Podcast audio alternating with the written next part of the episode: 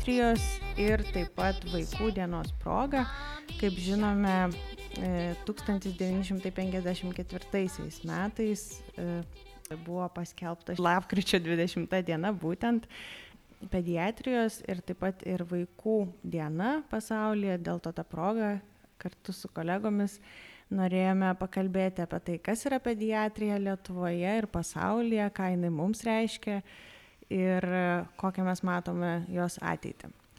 Aš esu Miglė Gedvinė, jaunųjų gydytojų asociacijos komunikacijos koordinatorė ir kviečiu pristatyti mūsų pašnekovus. Sveiki, aš esu profesorė Augustina Jankauskinė, Vilniaus universiteto medicinos fakulteto vaikų lygų klinikos vadovė ir taip pat pediatrijos centro vadovė, tai yra Vilniaus universiteto ligoninės Santaros klinikos. Labadiena, ir aš esu Rimantas Kievalas, vaikų lygų klinikos vadovas, vaikų lygų gydytojas ir vaikų intensyvios terapijos specialistas. Sveiki, prie pokalbio prisijungsiu ir aš, esu vaikų lygų gydytoja rezidentė Gytė Donelaitė ir taip pat jaunųjų gydytojų asociacijos narė.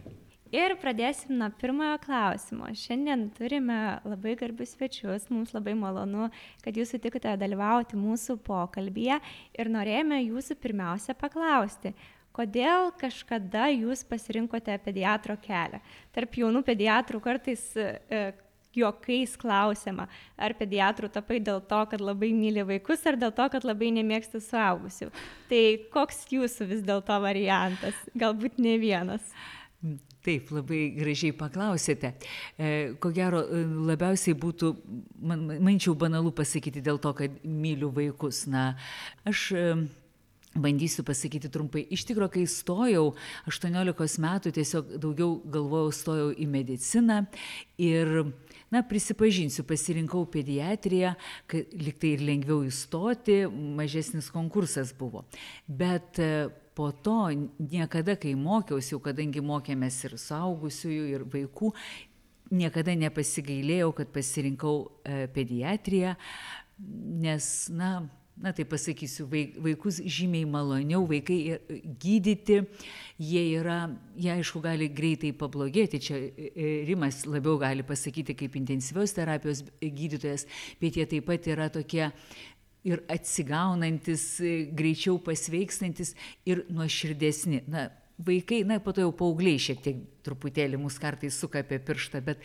tas vaikų natūralumas, na, tikrai niekada, niekada nepasigailėjau na jeigu trumpai atsakant tai didžiausią įtaką turėjo mano kaimynė per tvorą kai aš sakau tuo metu buvusi labai garsi kauno pediatrė šviesios atminties daktarė o atsakant į jūsų tuos du variantus aš pasirinkčiau be abejo antrąjį variantą už tai kad nemėgstu suaugusiųjų jų jų visokių kaprizų pretenzijų psichosomatikų vaikų patologija tyra vaikų patologija aiški vaikų patologija nesuvaidinta.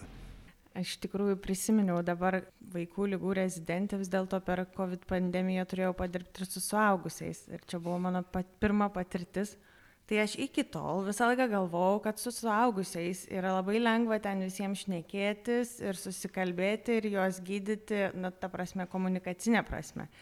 Ir tik tai atėjus į COVID skyrių, aš supratau, kad oi vargeli aš taip pasiilgau vaikų per tuos tris mėnesius kad aš galėčiau pagaliau susišnekėt su savo pacientu ir suprasti kas jam negerai ir iš tikrųjų iki galo atliepti tuos poreikius.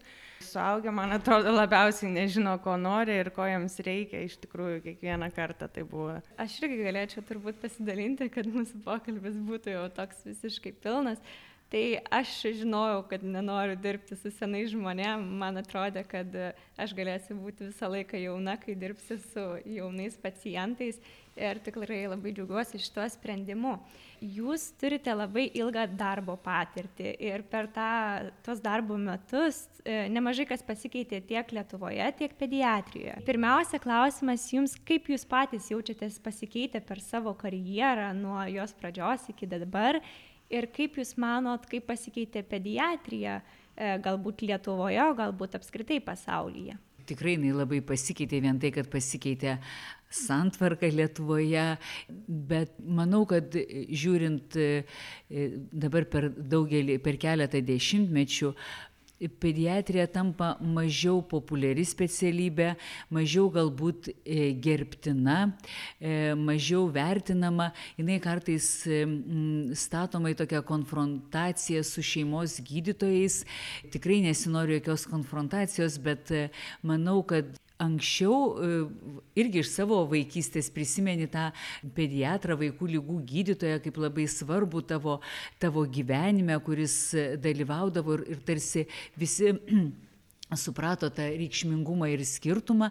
Dabar galbūt aš visai ką matau tą tokią disociaciją, kaip dažnai teigiama, kaip mes mylim vaikus. Na, tikrai tikriausiai neatsira žmogaus, kuris, na, ar vienetai, kurie pasakytų, nemyliu vaikų. Tai myliu vaikus, bet atrodo, kad kažkas tai turi kitas tą meilę parodyti ir man atrodo, kad e, valstybė galbūt šiek tiek per mažai myli vaikus ir tuo pačiu tos žmonės, kurie dirba su vaikais. Kai pasikeičiau aš, tai ką, tapau protingesnis, racionalesnis, išmintingesnis ir žymiai atsargesnis. Nes tai, ką aš darydavau jaunas, taip drąsiai, dirbdamas intensyvios terapijos skyriuje, tai be abejo šiai dienai turbūt nedrįstų nei vienas gydytojas. Tai yra, na, kaip aš mėgstu sakyti, kaip Lietuvoje gerai žinomas atlikėjas Selas. Pats dainuoja, pats bilietus parduoda ir pats fondą yra įkūręs ir yra to fondo pirmininkas. Tai panašiai teko ir man savo laiku, nes man, aš karjerą pradėjau kaip vaikų elektrofiziologas. Tai yra pats būdavau anesteziologu, pats darydavau e, elektrofiziologinius tyrimus, pats sukeldavau gyvybei pavojingus ritmo sutrikimus, pats defibriliuodavau ir turbūt jaunystėje jaunystėj tą buvo galima, tą buvo galima tuo metu daryti. Dabar Pediatrija labai pasikeitė, pediatrija labai pasikeitė, mm, ne visada jinai keičiasi į gerą pusę, bet atskirkime pediatrijos mokslą ir atskirkime politikų požiūrį į pediatriją.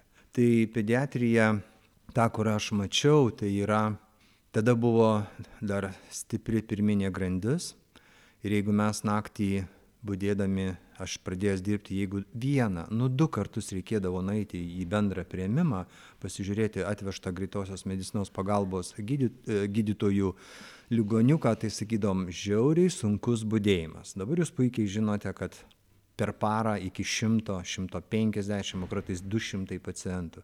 Reiškia visiškai devalvuota pirminės grandies idėja ir pirminės grandies požiūris tie pacientai kurie mirdavo mirdavo nuo sepsio nuo traumų nuo nuo nuo netgi visuomenėj įgytos pneumonijos nuo tokių banalių dalykų atsimenu hemolitiko reminių sindromo mirtis kada nebuvo galima daryti techniškai nebuvo galima daryti hemodializių kada nebuvo galima atlikti normalios dpv aš puikiai atsimenu aparatą vita šeši h ro šeši h kas tai yra tai yra būdavo mirties nuosprendis pacientams tos kuriuos mes pajungdavom. Medicinine technologine prasme mes esame labai labai labai pažengę į priekį. Praktiškai einame šiai dienai koja į kojon su vakarais. Aš tą galiu drąsiai sakyti nes man teko dirbti ir vakaruose ir gerose ligoninėse ir ir mes tikrai esame labai labai geroj situacijoj išskyrus organizacinius biurokratinius dalykus mes esame viena iš turbūt pačių turtingiausių pasaulyje valstybių leidžiančių, kad profesorius, kitaip sakant, aukštos kvalifikacijos gydytojai atliktų biurokratinį darbą, kuriam kartais net, ne kartais, o dažnai net nereikia medicinio išsilavinimo. Vat šitą prabangą mes savo dar leidžiam.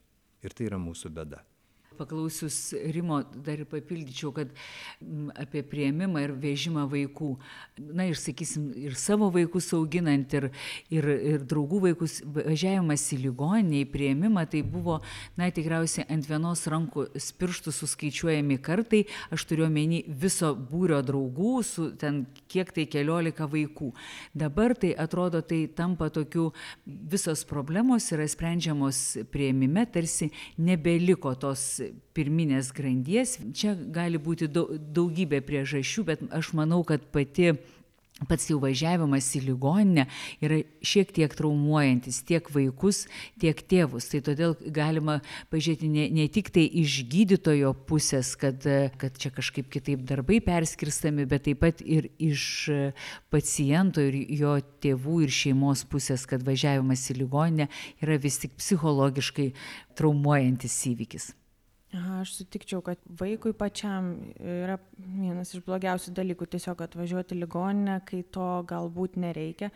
Ir norėjau paklausti, kodėl jūs galvojat, kad taip yra, ar čia yra susijęs su to šeimos gydytojo institucijos pakaita e, pediatrams, ar čia apskritai visiškai kiti dalykai, nes aš nieko kito nesugalvoju. Aš labai gerai atsimenu tuos laikus, kada prieš 30 metų buvo priimta reforma einame į šeimos gydytojo instituciją. Ta rėmė ir Pasaulio bankas, ir kitos tarptautinės organizacijos. Ir labai puikiai atsimenu tos išsigandusius terapeutus, kurie ateidavo į vaikų lygų kliniką įgyti darbo metu, savo darbo metu, priiminėdami pacientus, įgyti pediatrinių žinių. Nu, jūs puikiai suvokėt, kas, kas iš to gavosi. Ir atvirkštinis procesas buvo, kada pediatrai eidavo į kitas klinikas įgyti suaugusių patologijos žinių. Tai buvo tokia iškreipta totali reforma. Tai viena.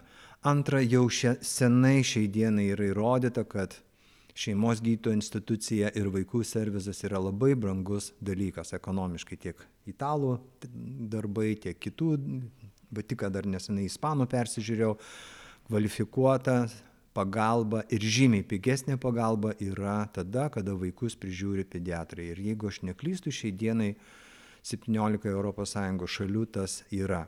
Paimkim mat ir kelių valandų, vat, prieš kelias valandas aš buvau poliklinikoje ir vėl matau akis badančią problemą, kada šeimos gydytojas siunčia pas, tiesiogiai siunčia pas euros specializacijos vaikų lygų specialistus, pas nefrologus, kardiologus, neurologus ir taip toliau ir panašiai kada tai yra iš, iš dalies nu, perkrūnama specialistai pacientų srautais visiškai neracionali, visiškai neracionali pagalba. Bet čia reikalingi politiniai sprendimai. Čia mes galim, mes tą kalbam, aš jau nežinau kiek metų, bet reikalingi politiniai sprendimai, o jų kaip nėra, taip nėra taip nes apie siuntimus pas specialistus iš tikro yra labai daug ir mes čia nagrinėjom kartu vilniaus universiteto pediatrai lietuvos sveikatos mokslų universiteto pediatrai situaciją vaikų pagalbos lietuvoje ir matėme labai kas mane nustebino kad specialistų konsultacijų skaičius yra labai labai įvairus ir skiriasi rajonuose įvairiose vietose.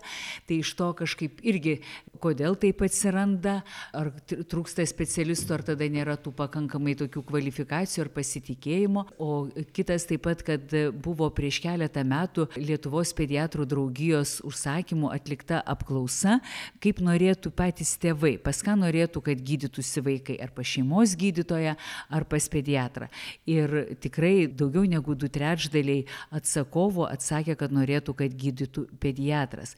Tai manau, kad na, reikėtų įsiklausyti ir į tą visuomenės nuomonę. Aišku, šeimos gydytojas gal tokiuose vietose, kur, sakysime, atokio, atokesnėse, ten kaimo vietovėse ar mažose miesteliuose, natūralu, galbūt net tas galėtų būti tas mišrus modelis, bet vis tik, na, man atrodo, kad Vilniaus mieste, Kauno mieste, Klaipėdo ir taip toliau, kad neveikia tas iš tikro bijoma, bijoma tų vaikų, ypatingai bijoma tų mažiukų. E, žinom, kad kartais ir studentai besimokydami ir patys gydytojai tų ten dviejų savaičių kūdikių ir dar turint omeny, kaip dabar daug gimsta neišnešiotų ir taip toliau, tai pilnai suprantu tuos gydytojus nuo neišnešioto ten kilogramo, nu, atvažiuoja jau po to į namus sugrįžta didesni vaikai iki pat pat e, ten šimtamečio su įvairiom lygom.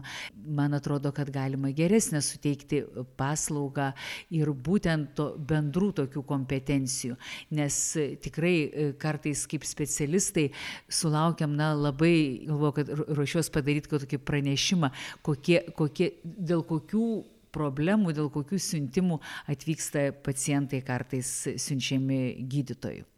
Galėčiau pasidalinti trumpai savo patirtimi pradėjus rezidentūrą, nes rezidentūrą pradėjau nuo pačių mažiausių, nuo neonatologijos, naujagimių. Man jau kaip prezidentė, atsimenu, reikėjo mėnesio išmokti drąsiai paimti naujagimę ant rankų, kaip merginai, kuri dar neturėjo savo vaikų. Kartais aš susimastau, kad šeimos gydytojai, mano žiniomis, bijau pameluoti, dabar e, mokosi pediatrijos tris mėnesius šiuo metu. E, jūs išsakėt nemažai problemų, e, kurios yra mūsų sistemoje dėl to, kad šeimos gydytojai prižiūri vaikus ir pediatro vaidmuo yra vis mažėjantis. Kokia būtų jūsų vizija Lietuvos pediatrijai? Ar turėtų būti pediatras pirminėme ligmenyje, o gal šeimos gydytojai turėtų įgyti daugiau žinių apie pediatriją? Kaip jūs matytumėt šitą sistemą? Tikriausiai taip vienareikšmiškai negalėčiau pasakyti, nes e, neformuoju visai tos e, politikos, bet manyčiau, kad e, tikrai pediatrai pirminėje grandyje galėtų suteikti žymiai įvairesnę ir platesnę pagalbą vaikam. Galbūt reikėtų ir daryti tuos procesus abipusius, nes tikrai na, šeimos gydytojai dabar ateina, dabar jau situacija pasikeitė. Nebėra tų tiek daug persikvalifikuojančių pokyčių, kaip minėjo profesorius Kevalas, pe pediatras patampa šeimos gydytojų, terapeutas ima gydyti vaikus ir taip mokinasi. Dabar Labai puikūs rezidentai ateina ir, ir renkasi šeimos mediciną, jinai tikrai tampa populiari, bet tikrai to laiko skiriamo, na, tikrai neužtenka tiek, kiek, kiek dabar yra tam. Tai arba ir tą, ir tą daryti, arba nu, bent, jau, bent jau kažką tai daryti, žodžiu, arba pediatrų daugiau suteikti. Ir manau, kad mes netgi neišnaudojam tos baigia tikrai nemažai kiekvienais metais baigia tiek Vilniui, tiek Kaune, e, Kaune vaikų lygų, vien gydytojai arba vaikų lygų ir subspecialybės. Kaip mažoji šaly, tai kartais tas sub, e, subspecialybės, sakysim, ar ten vaikų nefrologas ar vaikų gastroenterologas, na, jeigu jisai ten dirbs nedėlė mieste, jam bus sunku turėti pilną darbo krūvį, todėl manau labai gera galimybė yra, kad jis gali dirbti kaip, pedia, e, kaip reiškia pediatras, dalykas, plus turėti dar kažkokią gilesnį intereso, intereso sritį. Ir baigia daug tikrai šaunių jaunų gydytojų ir man kartais jų tikrai labai gaila. Dėl to, kad na, mes norim skatinti, kad pediatrija pasirinktų na, kuo geresni, kuo šviesesni, entuziastingesni studentai. Ir man viena puikia studentė, su kuria mes darėm keletą darbų, jinai taip, na, aš jau ją taip lengvai, žodžiu, stumiau, kad jinai rinktųsi vaikų lygas ir, aišku, galbūt vaikų nefrologiją. Ir jinai tada sako, nu taip patrūkčiojo, patrūkčiojo, jinai sako, nu žinot, aš jums atvirai pasakysiu, mano tėvai yra labai prieš, nes jie sako, o kur tu dirbsi, ką tu darysi. Aš manau, kad labai, labai nuoširdus toks žmogiškas pasakymas. Ir dar į tą, dar tokį pusiau, tokį juokingą galiu pasakyti, tikrai labai džiaugiuosi, kad prieš keletą metų tiesiog labai toks buvo geras bendravimas su vienu studentu, kuris po to pasirinko vaikų nefrologiją ir tapo, tapo gydytoju. Ir tikrai labai charizmatiškas yra dėstytojas dėstytojas ir jo dažnai po pratybų tiesiog pasilikę studentai prieina ir klausia, jūs tikrai savo norų rinkotės vaikų lygas, tai va, matot kokia situacija. Na, šiaip iš tikrųjų, aš, mano mama yra pediatrė, kuri kartu dabar jau turi ir šeimos gydytojo licenciją. Jos buvo žodžiai prieš man stojant į vaikų lygas. Nu, žiūrėk, daryk tu, ką nori, bet tikrai, nu, tikrai geriau būtų gal ką nors kitą pasirinkti, nes ką tu paskui darysi. Nu, bet manęs nepavyko atkalbėti ir aš vat, prieš dar atsakant į tą patį klausimą profesoriui Kievalui, norėjau papildyti tą klausimą, nes va čia ir ateina apie meilę vaikam ir pediatro vaidmenį. Kas yra pediatras vaikui? Koks jo gali būti vaidmuo vaiko gyvenime? Ar mes galime laikyti save vaikų teisių advokatais, neturiu omeny specialistais, bet advokatais. Ar mes galim laikyti save socialinių e, reikalų sprendėjais? Ar mes galime, ar turėtumėm būti daugiau negu paprasčiausias klinicistas, kuris ateina, diagnozuoja lygą ir išleidžia namo? Jo, labai gražiai, vat jūs papildėte šitais dviem pavyzdžiais, turi būti politinis sprendimas. Lygiai tas pats, kai kažkada buvo padarytas politinis sprendimas, mokytojo specialybė padaryti prestižinę, kokia yra situacija, jūs puikiai žinote.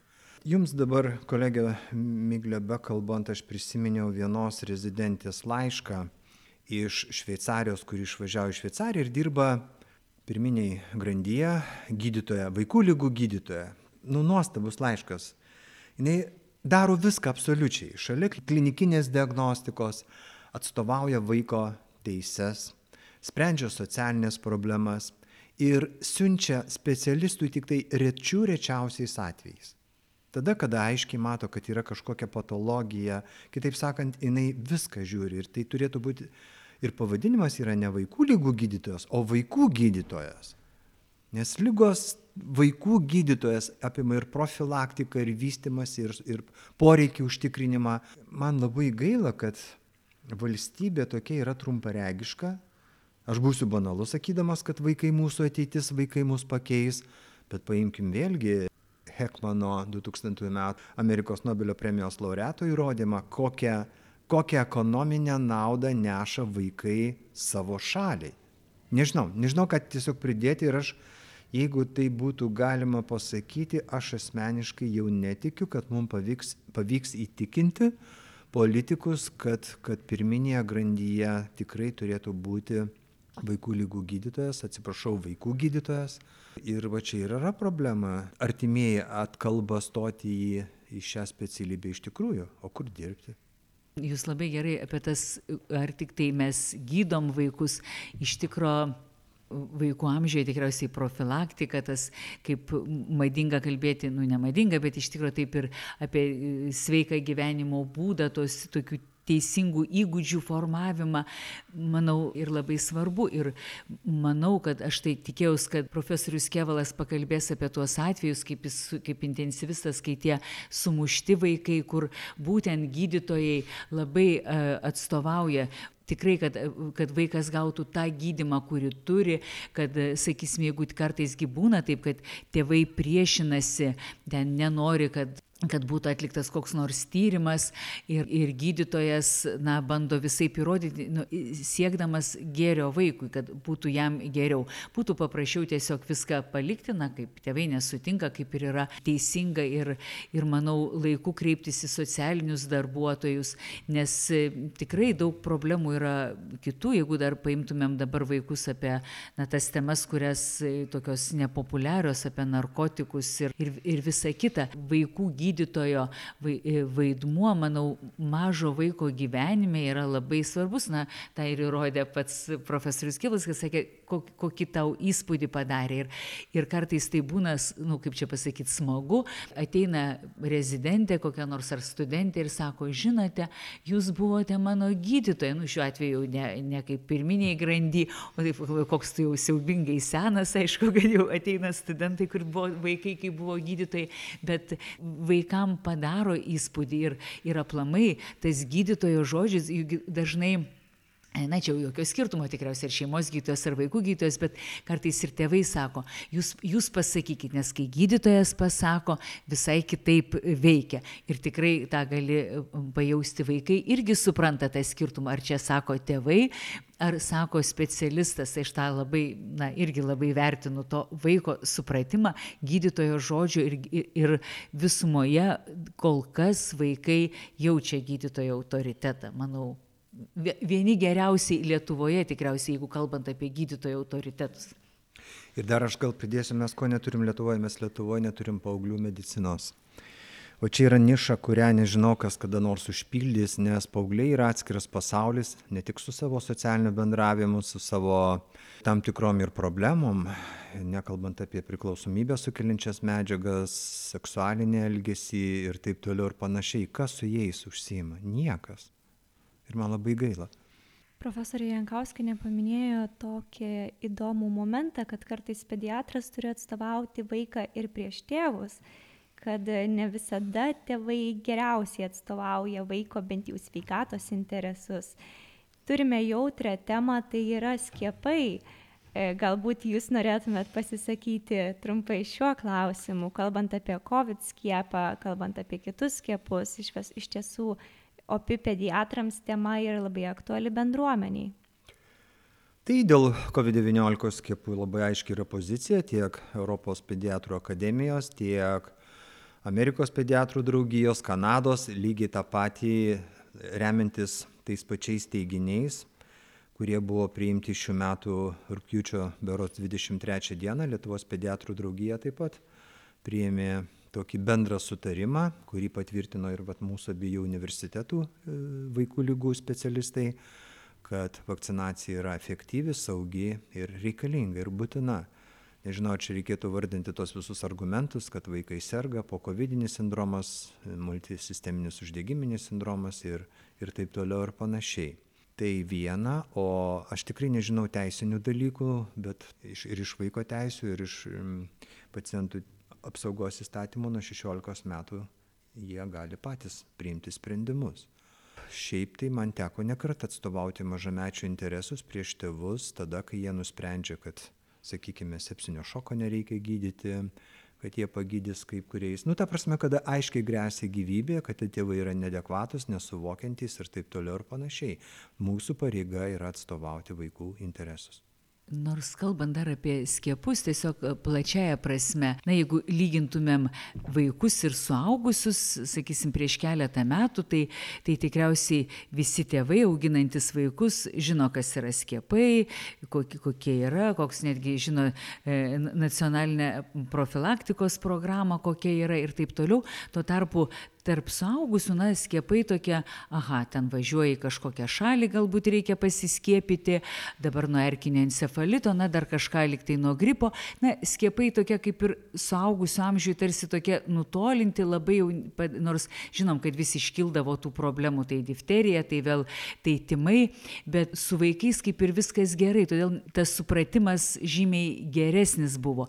Ir dabar aš šiek tiek nuogastauju, kad dabar įsijungus tai tokiai antivakseriškai visiškai tai bangai prieš COVID ir, ir kai dabar, sakysim, apie skiepus, jau dabar nuo 12 metų skiepijami vaikai ir tikriausiai, na, nežinau, kada bus priimta Lietuvoje nuo, nuo penkerių metų, jau atsiranda, na, truputėlį kažkoks kitoks požiūris. Ir dabar e, vaikų infekcinių lygų specialistai sulaukia daug konsultacijų, būtent, kad atleistų vaikus nuo skiepų, nuo COVID ir, na, pasakysiu taip, manau, kad gal reikia šitą sakyti, kad kada pasako, kad tikrai nėra kontraindikacijų, na tada prasideda grasinimai gydytojam, kad jeigu kas nors atsitiks, kai bus, tai visada, kaip pasakyti, visada reikia pažiūrėti į visas puses, tai kokį patiria spaudimą gydytojai tokioje tokioj situacijoje taip pat. Kadangi aš e, daug dirbu būtent su lėtiniais ligoniais ir kai pas mane ateina į polikliniką, aš dabar visų ten tų virš 12 metų visų labai aktyviai klausiu, ar jie yra pasiskėpę ir man taip labai susidaro toks skirtingas vaizdas tuos procentus, kuriuos duoda, na, ten virš 30 procentų tik tai pasiskėpė, tai labai daugelis būna pasako, kad taip pasiskėpė ir taip užtikrintai, netgi priešingai vaikai nori, reiškia, tėvai nelabai nori.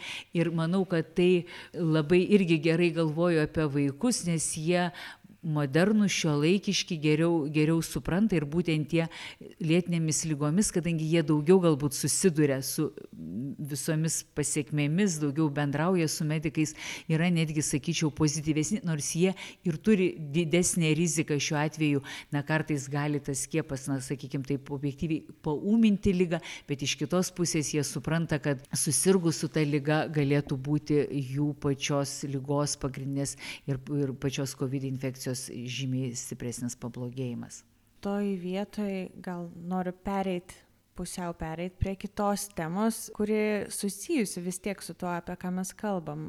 Mes kalbam apie vaikus, kurių jau edukacija yra turbūt geresnė negu mūsų kada nors buvo. Mes kalbam apskritai, šiaip daug jau per šitą laiką išgirdau apie rezidentus, apie jūsų studentus, nes abu esate profesoriai ir esat palietę labai daug gyvenimų būtent su medicinos edukacija.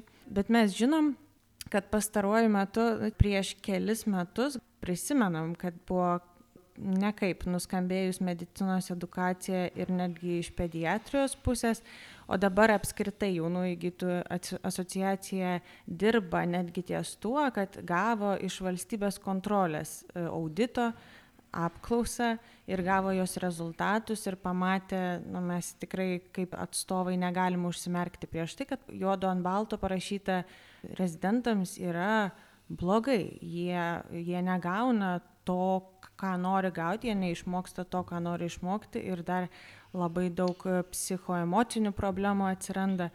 Tai nebūtinai yra susiję būtent su pediatrija, bet man labiau įdomu jūsų pačių santykis su šituo, su tokiom žiniom, su ta pačia medicinos edukacija ir ką jūs galvojat galima pakeisti, bent jau jūsų aplinkoj, kad būtų užsitikrintas kažkoks saugiklis, kad, kad, tai, kad tai nebūtų apie pediatriją, pavyzdžiui, ar ne, bent jau. Taip, šita valstybės kontrolės ataskaita 17 procentų rezidentų atstovavo šitą apklausą tiek iš LSMU, tiek iš e, medicinos fakulteto Vilniuje. Taigi, na, reprezentatyvumas, aišku, nežinom, kokie ten buvo, e, kokių specialybių. E, pirmoji vietoje buvo nurodyta, kad trūksta teorinių žinių, po to ten praktinių įgūdžių ir man rodos, kad gal ketvirtoji vietoje nurodytas, kad dabar nu, labai daug kalbam apie mobbingą, būtent mobbingas ir, ir taip toliau. Tai aišku, ta, tas e, skambėjimas to žodžio mobbingas jau tam tikrą prasme, aš pasakysiu, man jau daro psichologinį, e, psichologinį spaudimą. Aš manau, kad turi būti iš abiejų pusių, nu, kaip pasakyti, koks mūsų tiek tų mokančiųjų, tiek besimokančiųjų, mūsų tikslas yra gerai dirbti, gerai gydyti ir kad rezultate pacientai būtų patenkinti, kaip mes gydom, kaip mes diagnozuojam, tai mes turim kaip ir dirbti kartu. Tai be bejonės mes turim gerai mokinti, suteikti praktinių tų žinių, bet žmonės yra labai skirtingi. Aš iš tikrųjų prisipažinsiu, aš nustebau, kai pirmoji vietoje nustebau, kad trūksta teorinių žinių. Aš taip, reiškia, labai sąžiningai visada pravedinėjau seminarus, bet matau, kad taip, na, jau galvoju, gal aš jau perspaudžiu, kiti taip, nu, nedaro tiek daug tų seminarų ir tada skaitai, kad dar kažkam trūksta. Tai dabar, suprantat, nu, vat, kur yra tas aukso aukso vidurys. Užtat man tai visada atrodo, kad sprendimas problemų, jeigu jos yra, tai yra dialogas. Ir aš kartais tai galvoju, aš mėgstu už atvirą tokį, kad pasakyti, aišku, korektiškai viskas, bet e, tiek vienai pusiai, tiek kitai ką mes galim padaryti, kad būtų geriau, nesileidžiant į asmeniškumus, bet į rezultatą. Kartais toks jausmas, kad kažkas kaip ir nori, kaip ir supriešinti, tos, kad liktai būtų kažkokia tokia trintis ir kad tarsi mes nukreiptumėm savo, na, galbūt kitas problemas, kurias mes turim na, taip kalbėkim, pediatrų blogi atlyginimai, darbo sąlygos ir taip toliau. Ir tada atrodo, kad mes tiesiog vieni kitus, ar ne, nu taip sakykim, ėdam, ar ne, vat vieni e, rez, e, rezidentus dėstytojai, dėstytojai vat, ar gydytojai patiria, kaip aš sakau, psichologinį spaudimą ir visi veliamės tame pačiame. Tai aš manau, kad, na, jeigu yra tikslas ir yra nu, jeigu tu nusiteikęs gerai, jeigu kažkam nepavyksta arba atrodo, kad tu stengiasi, bet tas nepasiekia arba tu kitaip supranti, tai reikia, man rodos, kalbėtis ir vieni kitiem, kad mes padėtumėm. O kad tos problemos yra dažnos ir, ir visur, tai vienas iš tokių, kaip yra tokie projektai, Cost Action, ir aš dalyvauju viename, kur skirtas e, laimėjęs yra antrinės aukos. Tai yra kaip įprasta pacientai, sakysim, nukenčia ligonė, ne, nepagydomas ar kažkas tai įvyko kažkokia. Bet čia kaip tik akcentuojama apie tai, kokį stresą patiria dirbantieji, na, sakysim, jeigu tau nepavyko išgelbėti, ar ne, ligonio, tu viską darai, betgi būna, gytojas ne Dievas, kokį tu patiri ir, ir psichologinį, ir, ir nusivylimą, galbūt ir perdėgymo sindromą, visi, visi kiti dalykai.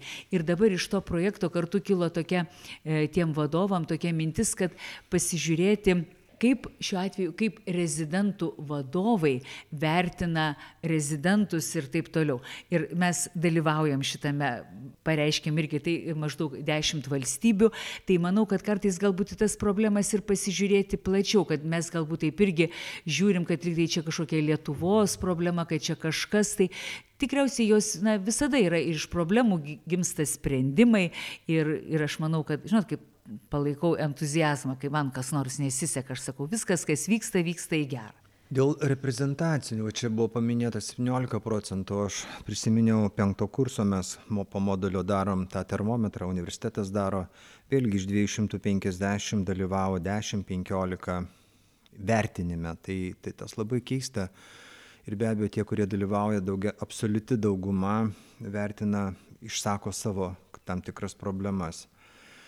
Dabar, dabar žiūrėkit, nu paimkim labai paprastai, aš dabar vėl galvoju, ką aš galvoju, prisimenu, kaip aš buvau vyri rezidentas Melburno karališkoje vaikų ligonėje. Aš buvau vyri rezidentas, mano toks buvo statusas, o skubios pagalbos skyriuje tuometime aš jau buvau konsultuojantis gydytojas. Jeigu dabar trūksta kam nors prieigos prie teorinių žinių įgyjimo, tai turbūt tai yra melas. Susitarkim iš karto, gerai? Tai yra absoliutus melas. Nes aš, kai pradėjau mokytis, tai buvo rusiški vadovėliai, po šiai dieną atsimenu tam tikrus dalykus ir turbūt profesorė Augustina neleis meluoti, kai mes tysėmės iš Toholmo pirmąjį Nelsoną vos ne kontrabandiniu būdu, nes tai buvo nesuvokiamas vadovėlis ir kas ten yra parašyta. Tai dabar informacijos yra daug. Antras, ką jūs dabar turite, jūs turite specialistus, pas kuriuos galima paklausti bet kur ir bet kada.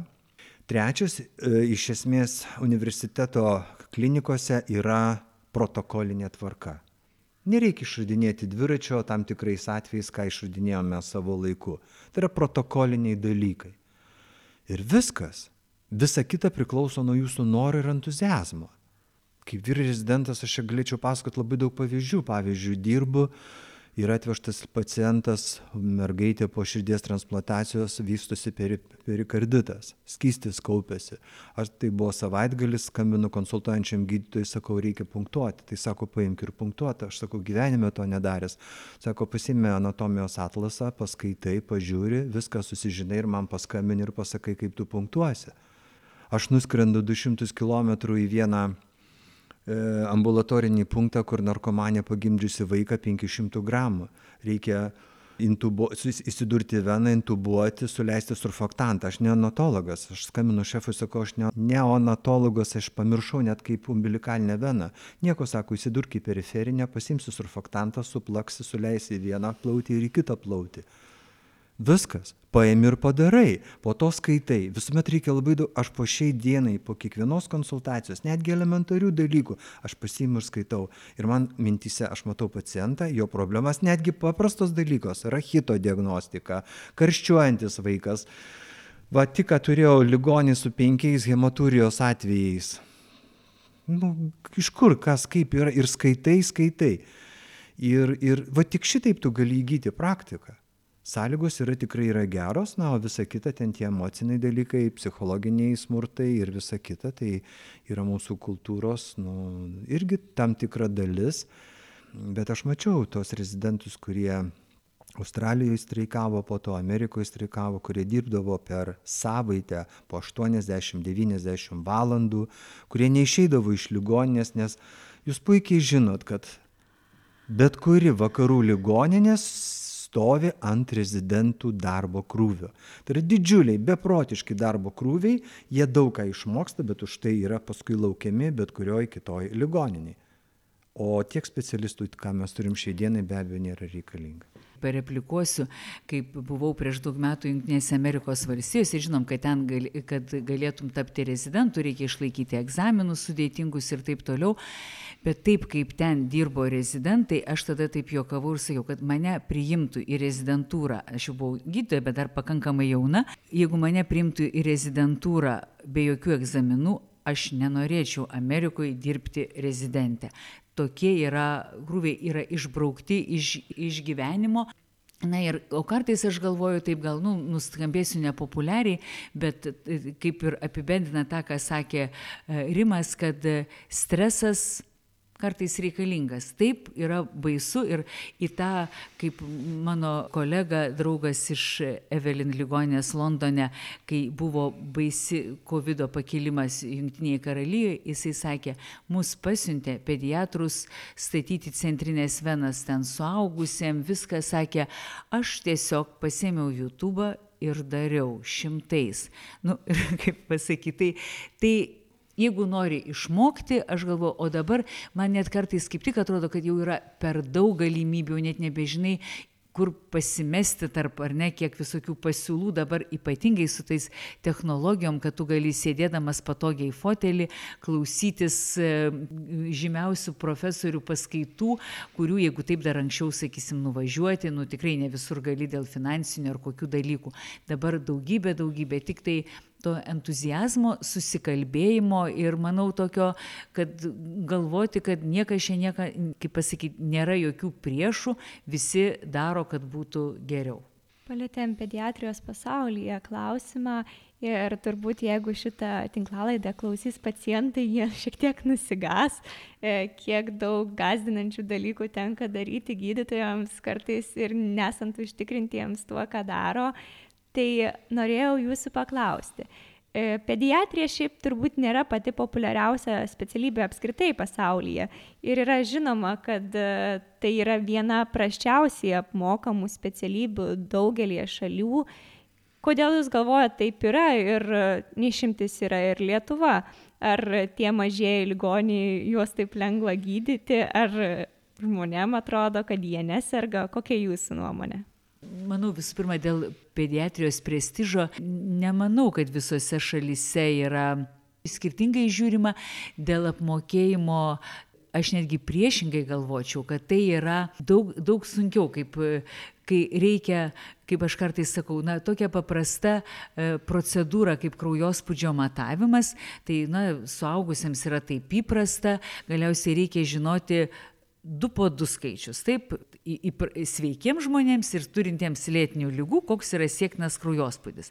Tuo tarpu vaikams pamatuoti kraujospūdį, na, jūs kaip pediatrės žinot, kad reikia, reikia laiko, reikia ne iš pirmo karto dažnai pavyksta ir daug, daug, o jau tada vertinimas, tai dar reikia prieš tai būti pasimatavus sūgį ir taip toliau ir taip toliau. Tai, tai kai kurie dalykai, man atrodo, dar netgi sunkiau, o tai, kad, na ir kartais vaiko pripažinkim ir labiau gaila, mažo vaiko, priedo nekalbėjom čia apie tą, vis tik gydom ne tik vaiką, dar ir su tėvais bendraujam, visą tą tai Na, nežinau, aš atsakymo neturiu, gal.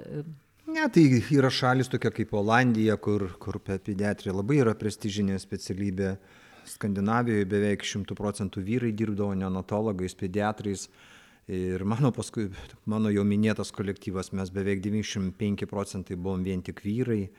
Ta feminizacija neįvyko specialybėse, medicinos apskritai feminizacija įvyko dėl to, kad reikia ilgai mokytis, labai daug mokytis o, o, o vakaruose, na ir dabar jau pas mus galima tų pinigų ir greičiau užsidirbti. Dėl atlyginimo aš tikrai nežinau, kiek pamenu, Amerikoje pediatras per metus uždirba maždaug per pusę negu ortopedas, traumatologas ar kardiochirurgas galbūt jam nelieka pinigų jachtom ir vasarnamam, bet jisai gyvena tikrai be rūpeščių, nes Amerika irgi ta pati šalis, kur labai didžiulis dėmesys pediatrijai ir labai daugėja pediatrų. Man labai skausminga buvo, kai aš dar vis tiek dar tik pradėjus rezidentūrą, darbinaus kitoj ligoniniai, gal net netiesiogiai, bet jau taip labai jau beveik išgirdau iš ligoninės vadovo, Na tai ką ten vis tiek tik tai slogas tvarkot. Ir, ir tiek jūs ten ir te dirbat, kam tie, kam tie resursai, tai pediatrijai, žodžiu, padirbsi su tuo, ką turi. Nu, jeigu aš ten kažką pasiskundžiu, aišku, kad man kažko trūksta, ten tyrimo gal kokio nors ar, ar dar kažko. Labai skausmingai iš tikrųjų nuskambėjo ir aš nuo tada ir visada ir galvoju, ką aš pati turiu padaryti, kad nebebūtų tokių pasakymų, kad jau tuo labiau iš Lietuvos didžiausių ligoninių ir aukščiausiuose pareigose esančių vadybininkų arba gydytojų neišgirščiau tokių įvertinimų pediatrijos nuvertinimu, tai yra, čia ir yra mano klausimas jums, ką mes patys, ką aš, ką jūs, ką mes patys pediatrai galime padaryti, kad tai keistusi. Miglė, jūsų paminėtas, e, kaip savo, ką jūs čia slogas gydot, tai aš tą esu girdėjus ir savo ligonė iš, sakysim, suaugusių gydytojų, tai taip, yra tų pačių medikų toks požiūris.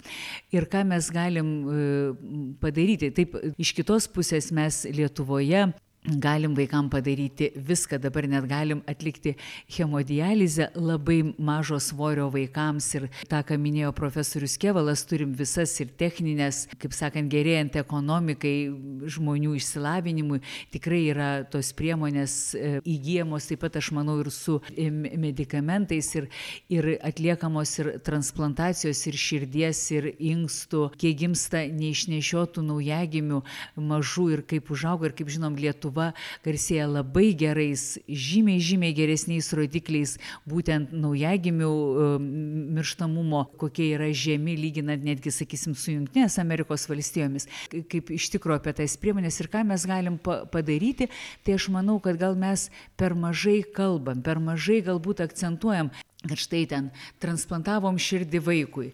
Mūsų, vat, e, ta prasme, visuomenė, medikai dar kažkiek, ir matot, kad ir medikai nelabai žino, bet e, galbūt reikia kartais dažnai tos, tos pačios ir tos pačios, kaip aš sakau, nuvalkiota ta medicinė informacija eina tarsi nieko nevyksta. Ir jeigu žmogus nesusiduria, jam taip ir atrodo, na, jo kaimynų vaikas laksto su snargliu, taip pat tokie ir yra, e, yra vaikai. O ką jau kalbėti apie tai, kokia, kad kaulų čiulpų transplantacija Lietuvoje atliekama ir važiuoja tiem visi iš Latvijos, kuriems reikia, iš Baltarusijos ir atliekama Lietuvoje.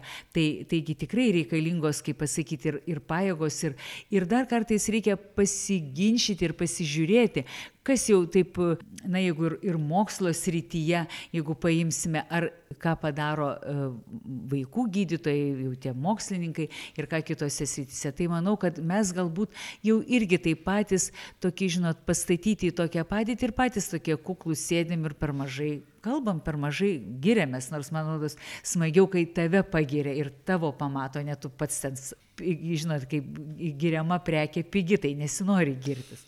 Hmm. Tai reikia kalbėti, kas jau yra padaryta.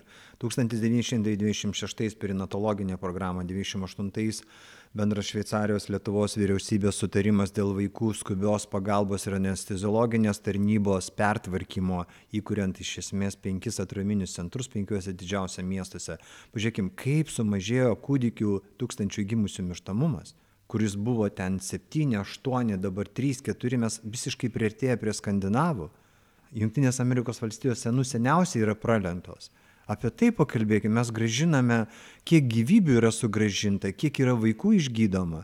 Sloga yra neliga, sloga yra vaiko fiziologinė būklė, kurią gydo mamos su užkalbėjimais arba su jūros vandeniu. Čia du skirtingi gydimo metodai. Tai be abejo, bet vis tiek aš, aš vis tiek drįščiau kalbėti, kad mūsų politikai yra tokie, kokie yra ir jeigu anksčiau ministerijoje buvo motinos ir vaiko valdyba, kuri atskirai rūpinosi pediatrijos reikalais, buvo vyr specialistai, man atrodo paskutinis vyr pediatras buvo profesorius Vytautas Usonis, jeigu aš neklystu, paskui viskas buvo panaikinta, absoliučiai, viskas buvo totaliai panaikinta. Nėra politinių sprendimų, o pediatrai yra tylus, jie daug dirba ir mažai kalba kyla mintis, tai čia ir yra iš, iš aukščiausio, aukščiausio ligmens lik pažydžiamos tų, tų vaikų teisės. Ta teisė gauti tą tikrąjį pediatrą visą laiką šalia, visą laiką žinanti tas problemas tik tai vaikų, tai tik tai galėčiau pritarti, kad tikrai atrodo, kad nu, galim va tik tai sėdėti ir girtis, kalbėti labai daug, bet sunkiai kažkaip lyg ir išgirsta kas nors, kad, kad to pediatro vaikui pačiam reikia. Nu, ne mums mūsų reikia, ar ne? Ne, ne pediatrui pediatro reikia, o vaikui reikia e, to gydytojo, kuris e, galėtų atliepti tos visus poreikius. Tai jūs, Miglė, iš esmės pakomentavote Vaiko teisų konvencijos, dabar neatsimenu, kurį straipsnį, kurį ratifikavo ir Lietuvos Respublikos Seimas 1923 metais, vaiko teisė į aukščiausio lygio šio laikinę medicinos paslaugą. Ja šiandieną mes neužtikrinam dėl mūsų jau minėtų politinių politinės situacijos ir tėvai galėtų būti, na, ne tik visą energiją kartais vat kovai su, sakysim, prieš kažkokius skiepus ar taip, labai dažnai žmonės prieš kažką tai, bet už, aš visada galvoju, kad pacientų balsas yra labai svarbus ir tėvų būtų irgi labai svarbus visos visuomenės toks įsijungimas. Bet sakau, buvo ta apklausa padaryta prieš keletą metų Lietuvos pediatrų draugijos, tokia labai reprezentatyvi ir, kaip sakant, ledų vis vien nepramušė. Baigiant mūsų pokalbį, norėčiau užduoti Jums keletą paskutinių klausimų. Mes e, apkalbėjom šio pokalbio metu, kiek iš tikrųjų daug įgūdžių reikia pediatram, pradedant nuo gebėjimo kalbėti su tėvais, gebėjimo kalbėti su vaiku, kartais nekalbėti, o bendrauti gestais, judesiais, suprasti, ko jam reikia, kai jis to negali pasakyti.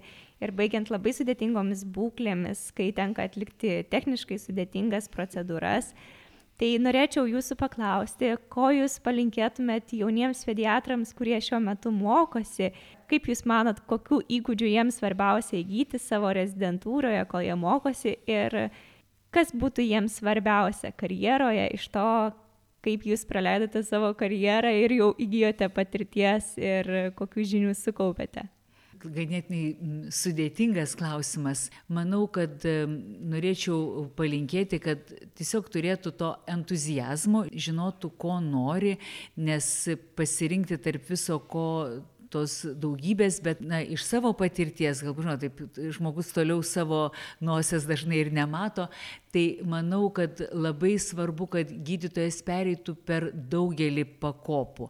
Na, sakysim, padirbtų pirminiai grandy, padirbtų prieimimo skyriui, nes kiekvienas turi savo specifiškumų ir tada tai padeda geriau ir bendraujant su kolegom, nes tu buvai ten, žinai ir gali suprasti, nes kaip pasakyti, kai nebuvai, tai daug ko, nu, tiesiog objektyviai negali suprasti. Ir, na, ir jau tokia, jau, žinot, kaip senstantis gydytoja galėčiau pasakyti, kad mane šiek tiek stebina, kad būdėti, e, būdėti labai nenori atėję jauni gydytojai. Aš ne apie rezidentus, rezidentų, jie savo tas 48 valandas tikrai atbūdė, bet po to, kai ateina dirbti į ligonę, na, sako, aš labai nenoriu būdėti. Na, suprantama, bet man atrodo, kad būdėjimuose taip pat labai daug išmoksti. Tai ta, pamatyti tą, bent jau pradžiai, pamatyti tą pilną paveikslą visako, o tada, kaip pasakyti, jau suprasti, ko tu nori, kur tu nori labiau būti ir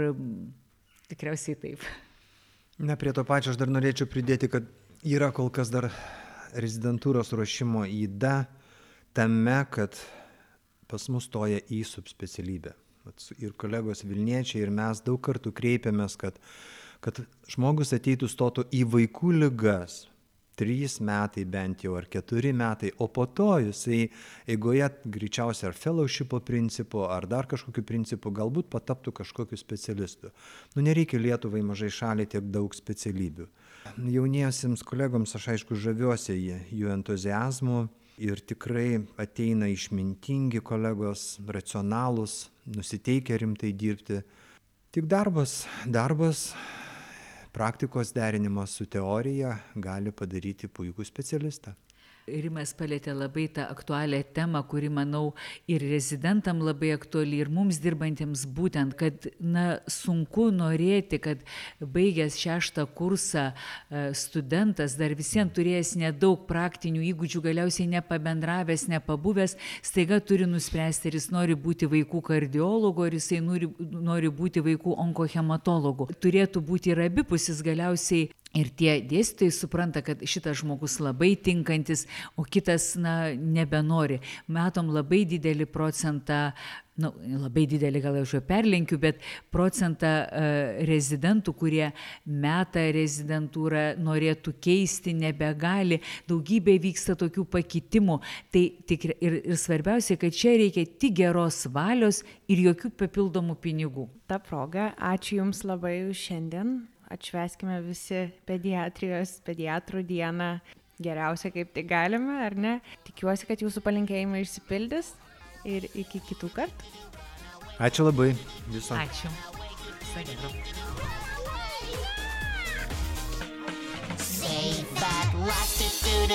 do, safe at last. It Do do do do do, safe at last. It Do do do do do, safe at last. You.